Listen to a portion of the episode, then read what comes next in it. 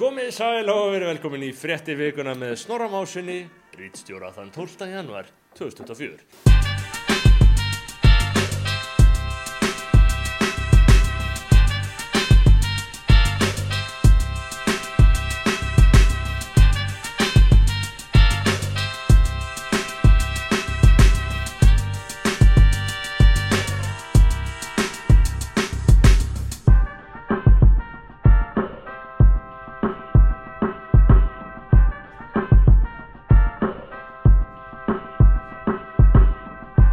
er mér sönn ánægja að hilsa ykkur hérna á nýju skrifstofunum minni. Eh, Þið takk eftir að ég er á nýjum stað. Eh, Ég veit nýjan búna, nýja áferð, eh, nýtt andrúrsloft en sömu stefnu. Við ætlum að halda hérna áfram á vettvangirið stjórnans að flytja ykkur mikilvæga fréttir af innlendum málum sem erlendum. Við veljum auðvitað hverju sinni hvaða fréttir við fjöllum um. Stundum reynum að, að hafa fréttir sem að, aðrir miðlar fjalla lítið eða ekkert um. Eh, og svo segi ég ykkur stundum, ég get alltaf ekki hafa með mig, svo segi ég ykkur stundum hvað mér finnst um fréttina sem er að fjallum. Um, þar hef ég auðvitað lofað ykkur að segja ykkur alltaf allavega 90% sannleikan. Um, 100% er of grimmilegt held ég, þannig að það er 90%, það er, það er bara lofvorð reyðsáðans. Um, ég vinn áallt eftir kjörorðum sem eru komið frá Jónasi Hallgrímsinni, ást á ættjörðu, ást á sannleika, og þá er að tala um hlust, ást á svona cirka 90% sannleika í loki meiru. Um, Frettir vikunar er ókipis í krafti þess að ég er með uh, kröftu og öfluga samstagsæðala sem velja að uh, vera í samstæðu við rittstjóran í nafni Málfælsis í landinu. Uh, nýr samstagsæðali sem bætist nú í hópin er Reykjavík Fótó, raunverulega mögnuð verslun. Það er verslunin á Íslandi fyrir auðvitað í fyrsta lega allt sem tekist ljósmyndun en líka hlaðastarðsemi, myndbönd hvers konar. Allt dæmið, þú mætir hana og það eru gaurar sem taka mótið þér og þeir bara virkilega vita hvað þeir að gera virkilega redda öllu, það var mín reynsla. Eh, ég hérna, gæti ekki verið ánæri með þjónustuna og ég segi þetta frá hjartanu. Þannig að Reykjavík fótóin í samstagsæli um, ég segi eitthvað betur frá því síðar en í grunninn eh, wow, bara leggja nafni á minni um, Þótt Þorgrímsson nú hefur við verið að eiga í viðskiptum við þessar verslun og þetta er bara, þú veist, já, það er að sama. Þú kemur og það eru gauðar sem bara virkilega kunna sitt fag og virkilega redda þessu. Þannig að eh, Þótt Þorgjursson, ég eftir að segja ykkur betur frá sér til korkur, korkefni, þeir eru kong, kongarnir í korkinum. Uh, ég, koma, ég fengi áhuga korki uh, vegna, vegna viðskipta minna við þá. Uh, segja ykkur betur frá því síðan Þótt Þorgjursson áfram eru fjarskiptafélagi hringdu, ég hef sagt ykkur áður hringdu, þetta er fjarskiptafélagið sem virkilega veitiði þjónustunni þetta er minna fyrirtækin hinnir, virkilega skara fram úr fjarskiptafélag sem allir nördar munu segja er, köftu net hjá hringdu, loks, Dominus Pizza. Og við skal pizza eru að tala um Íslensk mataræð frá 1993 um, bara klassist uh, hvað verið matinn, Dominus þú maður farið frétti vikunar uh, á nýju vettvangi. Við byrjum á að nefna skelveli tíðindi sem eru í Grindavík á miðugudag þar sem maður fjall ofan í djúpa sprungu sem er talin á að opnast á meðan maðurinn var við framkvæmdir. Við að þjappa niður jarði. Samstarfsfélagi hans mun samkvæmt fréttum hafa bröðið sig frá en þegar hann snýri aftur hafi maðurinn verið horfin ofan í jörðina hreinlega Frá því að slísið varð hefur mannsins verið leitað í sprungunni við gífulega umfásmiklar aðgerðir björgunarsveita en hinga til án ánangurs. Og að öðru, 5.000 Íslandikar eru stattir í München þar sem Íslandikar keppaði Serbíumenni á öðrubumótunni í handbólta sem hófst í vikunni. Rittstjórin Óskar Strákarum okkar að sjálfsögðu góðs gengis.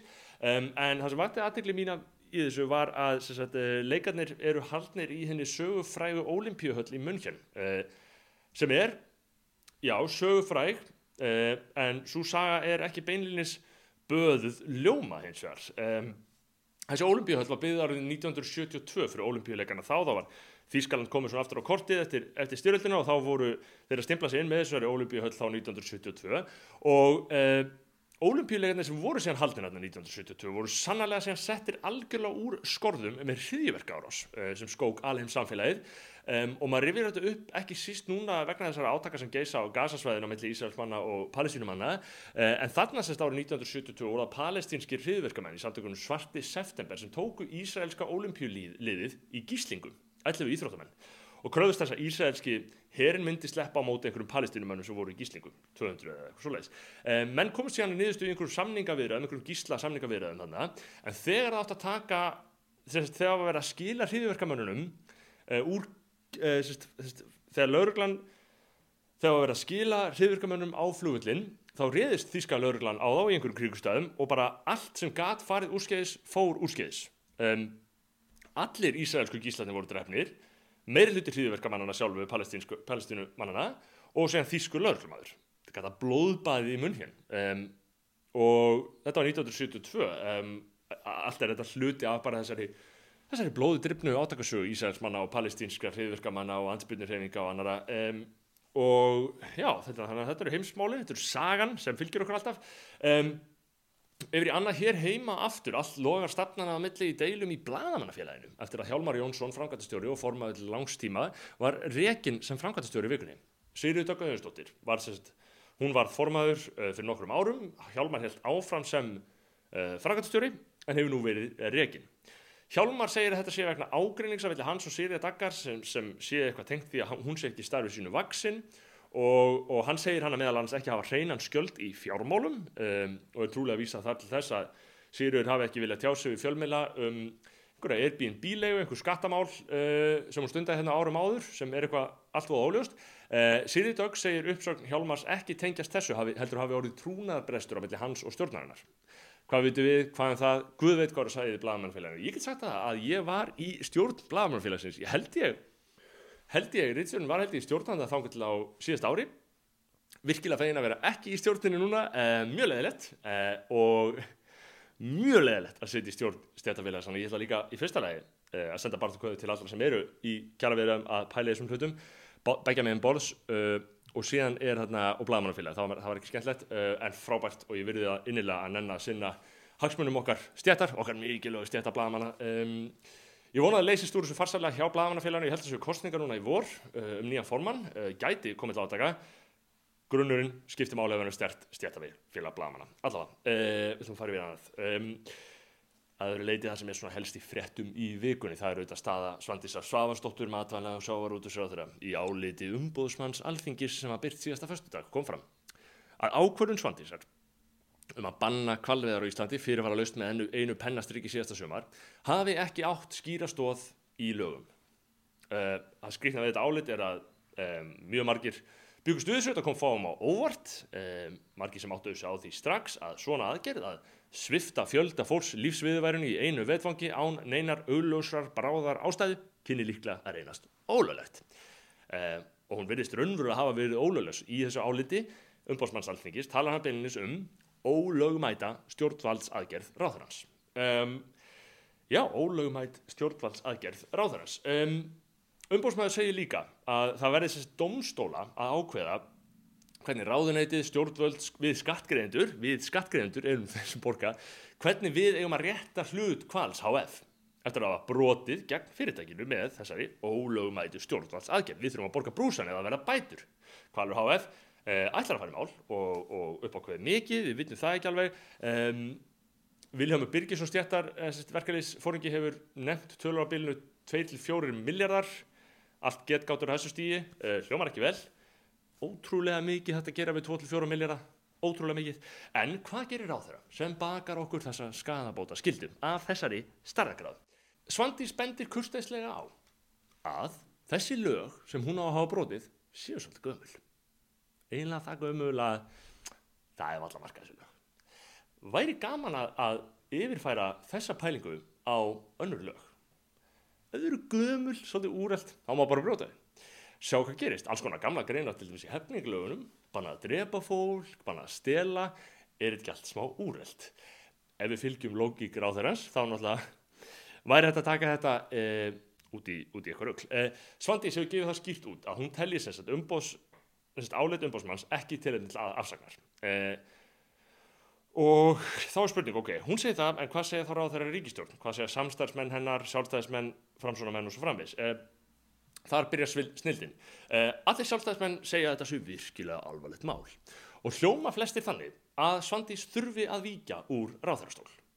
En þegar þeir eru spurðir hvort þeir myndu styðja vantröst til þau gegn Svandísi uh, sem líkur fyrir að verðu lögð, líklega lögð fyrir hérna núna þegar þing hæfst eftir okkar vikur. Þegar ráðhærandur eru spurðir hvort þeir myndu styðja vantröst til þau gegn þessum ráðhæra sem er í stjórn með þeim þá bara svona, na, veit ekki. Get ekki svarað, get ekki svarað, er ekki alveg viss. Auðvitað getur þú svarað því. Auðvitað veistu hvort þú vantreistir ráþærunum eða ekki. Nei, get ekki svarað, sjá. Það er margt snúið í, í stjórnmálum, það er alveg á hreinu og ég ætla bara að vona að það komi ekki til þess að við þurfum að greiða atkvæði um mantristillögu á Sandísi Svagastóttur.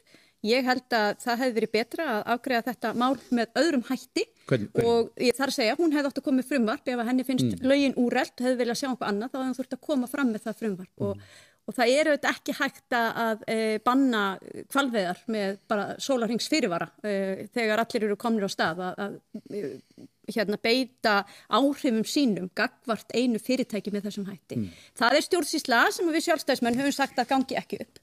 En þú segir, þú vonar að þurfu ekki að greiða atkvæðið um vandrust. Ertu þá að vona að eitthvað annað gerist í mildtíðinni? Til dæmis. Hvað? það eru örglega eh, nokkri möguleikar í stöðinni og ég hygga, ég ætla nú bara að draga djúnt andan, þetta mm. er nýkomið og þetta er nú ekki eina málið sem við erum að takast á við þessa stundina mm. Og ég held að við þurfum bara að gefa okkur aðeins tíma til að sjá hvernig hérna, þessu vindur fram. Þetta eru alvarlegar uh, uh, ábendingar sem koma fram í uh, áliti umbóðsmanns sem ég til einbúðið að vinstri grænir, grænir átti sáði hvernig þeir ætla að breyðast við áður en þing kemur saman. Þórti segir ekki tímabært að tjá sig um bóðaða vantraust til hugum. Það líkur bara ekkit fyrir um það með hvað hætti uh, þingflokkur sjálfstæðarflokksins mun taka á því en það hangi það saman við annað sem er í farfi og, og hérna, við tökum bara eitt skrif í einu hér eftir sem hinga til. Forsat. Við tökum bara eitt skrif í einu hér eftir sem hinga til, sko, orðasalatið. Við tökum eitt skrif í einu hér eftir sem hinga til, hér eftir sem hinga til. Það meir þess að uh, ef einhver mann eftir, ef einhver lifir það vondu lífi að fylgjast það mikið með fjölmjölum að mun eftir því að þetta orðalega var mjög algengt í COVID. Uh, hér eftir sem hinga til, við fylgjum vísindunum, hér eftir sem hinga til og Svandís tók þetta mikið sjálf í COVID, hann er það Þóldís Kolbrún, við tökum eitt skrif í einu hér eftir sem hinga til, þegar spurður hvort þú vantreistir samráþæraðinum eða ekki. Er það eitthvað svona eitt skrif í einu dæmi? Er það ekki bara, annarkort, er þér það misbóðið yfir þessari ólögmæti stjórnvaldsaðgerð að, að, að þú tellir Svandísi ekki stætt á að vera áfram eða ekki, þú veist það þannig að í staðinn fyrir að, að segja það beint út eh, þá bara fáum við þetta. Eh, og það liggur ekkert fyrir sko með hvaða hætti núna, sérst, að því að þeir eru ekki búin að segja þá liggur ekki fyrir með hvaða hætti þingflokkur sálstæðsflokkur sem mun kjósa þegar á þeirra í ríkistjórn fær á sig þessa vandraustilu sem er væntaleg um, og eins og ég segi, ef manni finnst það sem Svandi Svavarsdóttir gerði alvarlegt og það er alvarlegt og við höfum sagt það hér í þessum þætti frá uppafi það er mjög alvarlegt. Ef manni finnst það alvarlegt og ef manni finnst það kalla vantraust í hennar garð þá bara segjum maður það og stendur við það og kýst þannig, maður fer ekki hótunarleik þar sem maður segist ekki vita hvað maður myndi gera. Ég tristi mér ít alltaf að segja hvað ég myndi gera ef svona til að kemja upp. Þetta er svona hótanir og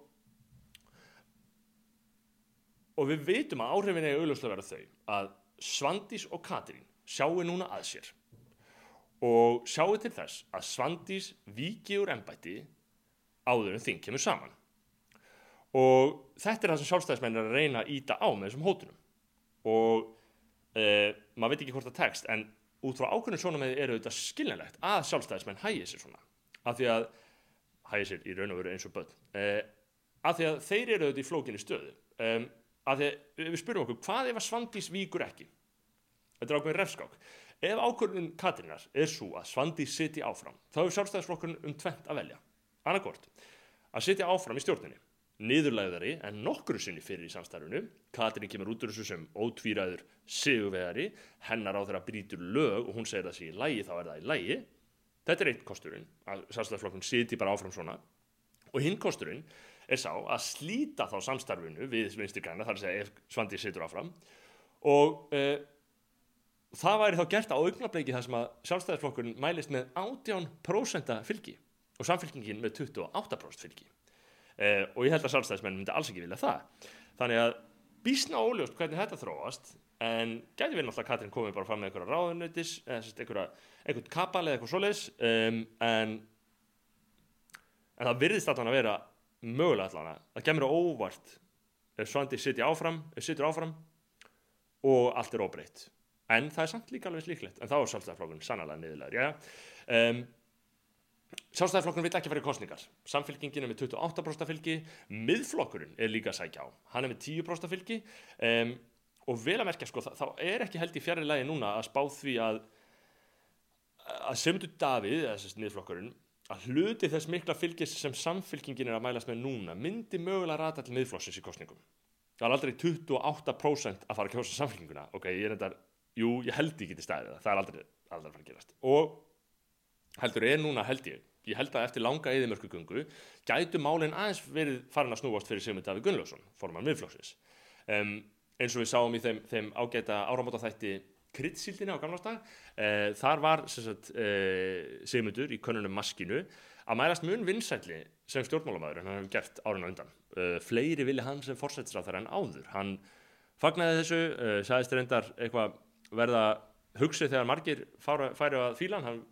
Litið svo hann vildi frekar að fleiri fíluð en ekki að hvað verður það að gera ránt, ég veit ekki alltaf mann ekki nákvæmlega hvað hann sagði, en hann fagnaði svo hvað stemmit vera að spila langaleikin um, miðflokkurinn.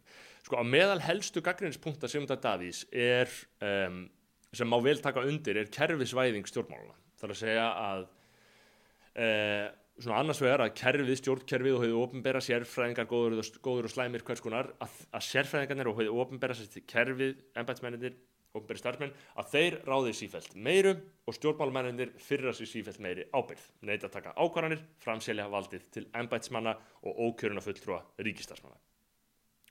Uh, það er svona einn ángi í kerfisvæðingunni þessi augljósin, en annar hluti af kerfisvæðingunni er mál sem við höfum fjallað um í þessum þætti. uh, sem er svo ákvörun íslenska stjórnmálaflokka eftir hrun að gera stjórnmálaflokkana íslenska, íslensku í raun og veru að ríkistofnunum með því að gera á háða framlögum úr ríkisjöði. Um, þetta var gert á sínum tíma undir því skynna að forða stjórnmálunum frá efniðum, bakkjörlum og vafasumum framlögum þeirra og og núna er mjög takmarka hvað í raun og veru sko frjáls, aðalega frjálsum markaði mega að leggja til stjórnmáluflokka hvað stjórnmáluflokka mega að þykja í styrki frá lögaðalum einstaklingum uh, en afleggingin er svo aflegging þess að stjórnmáluflokkar þykji nú megin meiri hluta síns rekstarfjár úr ríkisjóði er eins og Heiðar Guðjónsson benti á í viðtalið við skoðanabræður sínum tíma og margir aðrir hafa benti á Afleggingin er svo að flokkarnir missa þar með eiginlega alveg tengslinn við fólki í landinu sem áður þurfti, vegna þess að það var ekki hægt að ráða var fólki allt, þá þurfti fólk að vera drivkrafturinn í stjórnmálstarfinu. Nú eru fórsendunnar aðrar og líklega verri, en í þessu, í þessu atriði þá getur maður líka spurt sig, hversu margar eh, eðlilegar, alveg eðlilega manneskjur þekki þú sem eru virkar í stjórnmálastarfi á Íslandi? Þú þekkir auðvitað einhverjar, en, einhverjar, en eru margir? sem er alveg eðlir og er í stjórnmálastarfi á Íslandi. Ég held að hafi verið henni áður, um, allavega, miðflokkurinn gaggrinir kervisvæðinguna. En á sama tíma er hann mjög fengsæl þáttakandi í henni. Heimildin sagði frá því í vikunni að miðflokkurinn hafi fengið 54 miljónir króna í fjárframlög frá hennu og bera á síðast ári og að á síðasta kjörtímabili hafi hann kipt sér fastegn á 53 miljónir króna fyrir allan peningin sem hann fekk frá frún í Hamburg, þar segja ríkinu. Í lok árs 2022 segir að flokkurinn hafi átt 83 miljónir króna í óráðstaf, óráðstafað eiginfjö 83 miljónir króna í óráðstafað eiginfjö og 90% tekinn flokksins 9 hverjum 10 krónum koma úr ríkisjöði ef þarna er ekki að ferð flokkur sem græðir sannala á kerfinu þá veit ég ekki alveg hvernig sá flokkur lítur út. Uh, Reyndavert að nefna frjálsíkjumennina í sjálfstæðarflokknum sem hefur þegið lang, lang, lang mest allra flokka í þessu kerfi frá upphafi frá 2010 til 2022 tók flokkurinn sér 1744 miljónir króna á ríkisöði. Já, það er frjálsíkjan, íhaldsheiminn, hvað verður málið í næstu kostningum. Uh, eh, Eirikur Bergman segir að það stýttist kostningar, uh, veitum ekki hvort það sé eitthvað að marka það, hvað gerist. Það er náttúrulega ákveðin hægri sveifla ríkjandi. Mm, neytum því ekki, það er ákveðin hægri sveifla eftir tímabil ríkjandi frjálslendis viðhorfa ákveðið bakslag í því dæmi eh, menna að tala um að íhaldsefið sé nýja rótækning, það var allavega það sem ríkisútarpi lísti yfir þegar þessi ágæti frétta þáttur frétti vikuna, let dagsins ljós á sín tíma kannski einhver sannleikur í því. Eh, allavega við finnum að þessi íhaldsemi, þessi nýja íhaldsemi hún lætur á sig kræla hjá unga fólkinu. Og þetta hérna er sönnum þess. Í fréttum rúf núni vikunni eh, kemur fram að það sé ákveðið afturkvarf til þjóðleira hátta hjá nefndum við verkmentaskólan á Akureyri. Þorramatur er komin í verslanir og tvær til þrjár vikur er í fyrstu þorrablót. Þessar, þessar forni matarvennir eru hluti af nútíma matræslinámi og matræslikennar á Akureyri segir ungt fólk orðið hlindara þorramat en fyrir nokkrum árum. Þau eru jákværi þorramatinn núna eða var. Það kom aðna tímabil fyrir svona sex árum þar sem var ekki jafn mingil stemming Já, þið heyrið að það hefur verið sitt hvað að frétta á rúf í vikunni fín fréttastofan margt skrítið, sund skrítið eh, maður fær náttúrulega efnisittur mörgum áttum maður alltaf skoða netið um, annað sem kemur inn á þessa íhaldseimisvæðingu unga fólksins eh, er uppistandsbrót sem var á vegi okkar hérna á rittstjórninni í vikunni með Shane Gillis eh, nýtt uppistand hans á Netflix um, lítum á, á brót I'm a bit of a history buff, which, by the way, that is early onset Republican. That's a very, it's a very serious warning sign. If you're a white dude in your 20s and 30s and you're like, I can't stop reading about World War II, it's coming, bro. You might, you might not be Republican right now. You might be young and cool and liberal. Probably think you're safe, dude. You're not. It doesn't happen overnight. It takes time. It takes. You think your dad wanted to be Republican? You think, he, you think he got out of high school and he was like, all right, now it's time to be a prick about everything. no, dude, it takes time. Já, það tekur tíma að verða svolítið leiðilegu pólitíst eh, að, að fara frá því að vera ungur og, og PC í að vera, vera svolítið leiðilegu tekur nokkur ár, getur, getur gerst hrætt, getur gerst hægt. Eh, getur líka snúist við sko, menn getur orðið lippar á miðum aldrei það er ímsar hættur í þessu. Eh, sen gilist þetta gott. Um, við vorum að tala um hérna vorum að tala um kerfisvæðingu stjórnmáluna hérna, og embætismanna kerfið íslenska.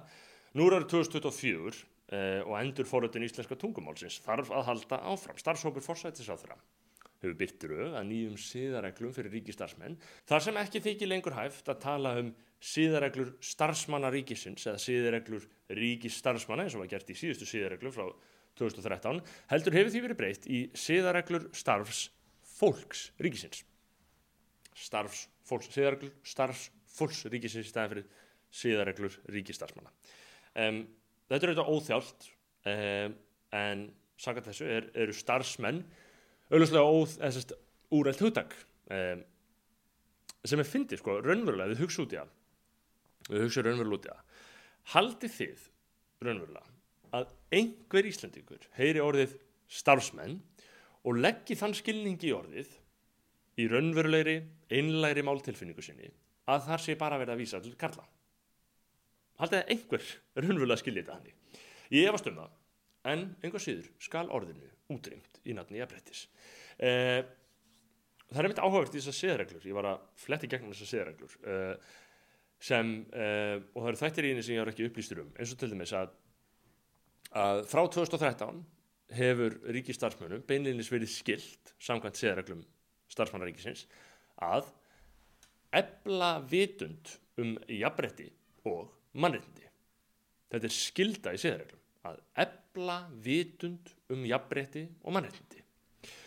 Hljómar svolítið hugmyndafræðilega fyrir mér, fyrir siðareglur að vera, skilt að ebla vitund um jafnbreytti og mannreitindi. Það eru mjög margir að vinna hjá ríkinu í alls konar störfum. Eh, hvernig í ósköpun getur það verið skilda allra þeirra samkvæmt siðareglum að, að ebla vitund, ég veit ekki eins og hvað það þýðir nákvæmlega. Um, í nýjum siðareglum er þessu breytt, þannig að öllum starfsmönnum beri að bara virða jafnbretti og, vir, virða jafnbretti og önnum mannrendi sem er strax kannski aðeins skarra og skiljanleira orðalag. Um, veitir endur ekki alveg hvernig, hvers svona siðaregla það er, en hvað er það? Um, önnu breyting í nýju siðareglum frá starfsópi fórsættisráðara er að nú er ekki lengur kveðið á um það, sérstaklega, að ríkistarfsmenn skuli virða skoðana og tjáningafrelsi þetta var alltaf í, í segjarreglum frá 2013 að, að þú ættir að sanga teim áttir að virða skoðana og tjáningafrelsi og nú verðist þér að búa að sópa þeim hugssónum undir orðalægið hafa í heiðrið líðræðislega gildi. Það er að segja skoðanafrelsi, eða skoðana og tjáningafrelsi út og líðræðislega gildi inn. Eh, og vissulega auðvitað fallast skoðana og tjáningafrelsi undir líðræðislega gildi í skilningi flestra Um, að vísu alls ekki allra á þessum síðustu verstu tímum. Uh, af því að, að sumir, telja, sumar skoðanir reynlega það slæmar að, að það séu bara ekki bóðlegar þannig að þá þurfa að takmarka þetta skoðanafrelsi tölverð en já, í huga flestra eru skoðana og tjáningafrelsi eitthvað sem fellur undir líðræsti gildi þannig að út frá því þá, þá er þetta ekkit galið. En uh, samt, ég meina, maður verst því ekki að hugsa í þessu sambandi. Og það er ekki löst við að maður svona hugsa aðeins að sérst, í takt við breytingar á hugmyndafræði sumra þá hefur skoðana á tjáningafrelsi mitt eh, fengið á sér smá stimpil.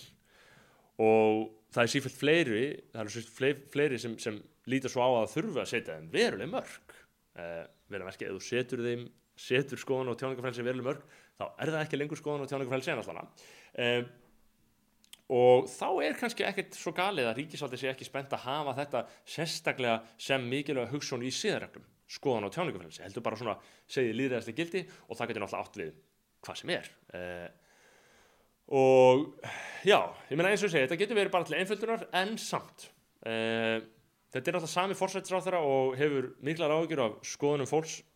Uh, hún hefur það miklar áhugjur af skoðunum fólks að hún stefnir að því í alvöru að senda hvern einasta ofnbæra starfsmann á námskeið um haturs orðræðu í skilningi vinstri græna uh, í aðgerra áhullun þar sem að þetta er lagt til þá er einnig stungið upp á því að allir, já það er stungið upp á því að allir fari á þetta námskeið og stungið upp á því að í starfs, að starfsmanna tölvu kerfi ríkisins verði notað til að hafa eftirlit með því að starfsmenn fari öruglega í gegnum þetta námskeið. Það er eitthvað kerfi sem heitir orri, það er að nota hann til að sjá hvort það er séu búin að sitja þetta námskeið, láta lýsa fyrir sér að mörguleiti, einhverju leiti, hvernig þeir eru að hugsa.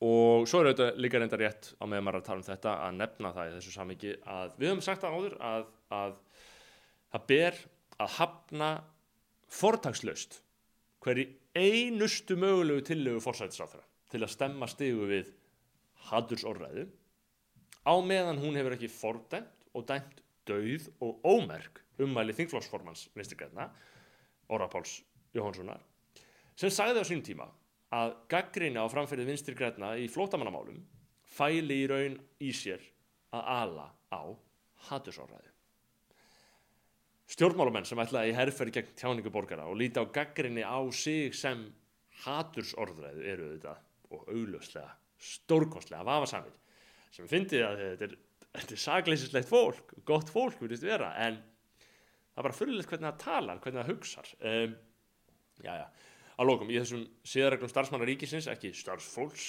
uh, starfsmannaríkisins uh, ekki lefa með mistyrma tungumáliðinu uh, í þessum síðarreglum ríkistarfsmanna eru ekki mikla breytingar. Uh, aðalega þessar sem við verðum að rekja og líka eitthvað í tengslu við aukastöru og svona. En ein regla, hún fær sannlega að standa óbreytt. Hún er svo, orðrétt að starfsfólk hvetur samstarfsfólk sitt til að leita réttar síns ef, það, ef þeim þykir á sér brotið. Þar að segja uh, samkvæmt síðarreglum þá ber starfsfólki ríkisins skilda til þess að hvetja annað starfsfólk til þess að leita réttar síns ef á því, ef, ef, telji það á sér brotið. Þetta er áhugaverð síðarregla, þú átt að hvetja aðra til að kvarta undan vinnuveitindunum þegar menn telja á sér brotið, það hlýtur að vera vinnustæðinir. Eh, það er kannski þessum sem við uh, borgum allar þessar stjartfræðilegu upphæðir í bætur til ríkistarfsmanna við margvísliðustu tilhengið áriðum kring. Þetta er í síðarreglunum, ef það er smuga, farið í mál. Nei, sumt breytist aldrei nema ef vera skildi að þetta sé að versna, við sem að borga sér fyrir meiri bætur, já. Fleiri mál, uh, það er þetta ruslapokamál, þessi mynd vikunar, um, ótrúlega mynd, uh, sko, þetta eru, það er auðvitað að tellja á, en maður hefur ekki séð svona marga poka á einni mynd. Um, það var sérst sagt frá því að, uh, að nú verður þessi pokar ekki lengur í bóði ókipis í verslunum og slíku, heldur þurfa að sækja þá á sorpum til þess að nota á síðan í flokkunina.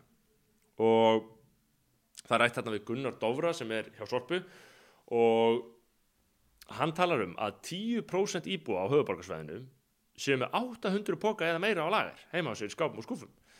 Það dögi í 5 eða 6 ár um, samkvæmt könnunni samkvæmt einhverju könnun sem hann er að vísa til þá liggja 45% heimila á 16 miljónum póka sem kostar um 160 miljónir. Og svo segir hann, en það eru ekki endla stærstu dæmin. Við höfum séð myndir af pókastæðum heima hjá fólki sem við álíktum að séu svona 7000 pókar. Það myndu í hálfa öll, segir hann. Uh, Líf Magnaudóttir, uh, borgarfulltrúi fjallar um þetta, hún segir að hamstra þessa póka er óafsakanlegt til stóð að hafa pókana endurgjaldslausa og aðgengilega og meðan á innleðingaferlinu stendur og við venjum okkur við ringrásar hagkerfið. Þetta mál er hitt súrasta og fá margir að kenna því að einhver hópur fólks er bara að hugsa um eigin hagsmunni en ekki hagsmunni umhverfisins, samfélagsins og sammeililega sjóði. Um, já, hver hefði haldið, við erum greinlega ekki nógu þrósku til að fá ógefis póka uh, reyndar ótrúlegt að við skulum geta fengið taugafall, kollektíft taugafall yfir brefpókum Uh, ágætt að rifja upp umæli Heiðubjargar Hilmisdóttur, borgarfulltrúa formann sambands Íslenska sveitafélag á dögunum þegar fólk var að kvartandan gjaldskararhækkunum hjá uh, Sorpu og í því samingi sæði Heiða uh, en var þetta Sorpu, sagði hún en var þetta Sorpu, þá er það einfallega lög sem hafa verið sett með aukinu flokkun og aðeins meiri flækjustíði, við þurfum að vera dugleiri að flokka, þá lekkar þetta aftur. Þannig að fólk var að kvartandan auknum gjöldum og hún sagði bara nei, þið verður bara að vera dugleiri að flokka þetta er ykkur að kenna, þið verður að vera dugleiri að flokka þá ætlum við að skattpína ykkur minna. Er það ekki yfirvöld uppálega sem sérst, fengu, já þetta er eitthvað ótengt mál en það er náttúrulega yfirvöld uppálega sem fengu þessu hugmynd að gefa póka og segja að það verður gefins í uh, hérna nútímanum þar sem yfirskriftin var framkvæmtastjóri bónus og svo stóð okkur þykir þetta mjög leitt. Uh, og það var eitthvað annað mill en ég, ég sá þetta bara í hugsaða fyrst sem ég hugsaði og byrju, heyrðu, er bónus að lúfa fyrir aktivisturum, er það er verið að varpa Ester í bókaldstildinni fyrir ljónin eftir hérna, málið með bókina um, réttur jól? Og eru þeir að beða stafsökunar að hafa ekki tekið bókina allir sölu? Því um þriðju, um vaktina uh, ég sá strax að svo var ekki sem betur fer þegar ég las frétta betur þetta var um einhver bónuskort að fíklar var að nota þau og ákvörðun Esterar stendur um að selja ekki bókina um þriðju vaktina um, þetta er áherslu um bónuskortinu, það er alltaf, alltaf mál. Mál Esterar, það var auðvitað mikið um því að fjalla þetta á sín tíma, eh, það vatt sannlega upp á sig í miðlunum eftir að fjalla var um það á þessum vettvangi hér, fréttavíkuna, að, að Þorstein hefði hann að siga þessum fylgjendur sínum á uh, hann er bókaldstarfsmann í bónus, uh, Þorstein Kallmerska, Uh, en það er svo sem ekkert meira að koma út í Jón Ásker Jóhannesson, ég sá hann nú í viðtalið þar sem hann sagði að Ester væri maður ársins eða kona ársins eða kannski heiti ársins eða eitthvað svo leiðis, hann var allan að mæra Ester. Jón Ásker náttúrulega ásamt föðu sem stopnaði bónus. En uh, nú er frangatistöru bónus að hætta Guðmundur Martinsson og uh, hann var í viðtalið út af því og hann er ekki að hætta út af máli Esterar en sérst, hann var í hverju viðtalið í viðskiptablaðinu hann er verið þannig frangatistöru í, í hátíð 30 ár. Og Guðmundur sagði um, að segja þetta framtíðin er óskrifuð, engin plön og enga væntingar. Ég var nú samt að spá í að skrifa bókum árun mín í bónus en ég áttaði mig síðan að því að það væri líklega ekkert víst að Ester myndi taka hana inn. Svo ég hætti snarlega við það, bæti guðundi við. Uh, og hlær, segir viðskiptblæðin, já. Uh, Ester Gate kýpir allra bóka í bónus. Þorstedt Kallmennska baðist vel að merkja á sín tíma afsökunar á ofsóknunum í hennar garð eftir allt þetta mál og eftir umfjöldununa uh, en þá segjum við eins og sagt um allar svona cancel afsökunarbeinir þetta var oflítið og ofseint uh, þetta verður ekki lengra hjá okkur að sinni. Ég minni á samstafsæðila fréttavíkunar Reykjavík Fótó, Þótt Þorgrímsson ringdu og Dominus Pizza, ég minni auðvitað líka á kjörur þessa fréttaþáttar. Ást á ættjörðu, ást á sannleika uh, við sjáumst hér að viku liðinni uh, í góðu skapi eins og endra nær eftir viku, þá vel þá Guði bless ykkur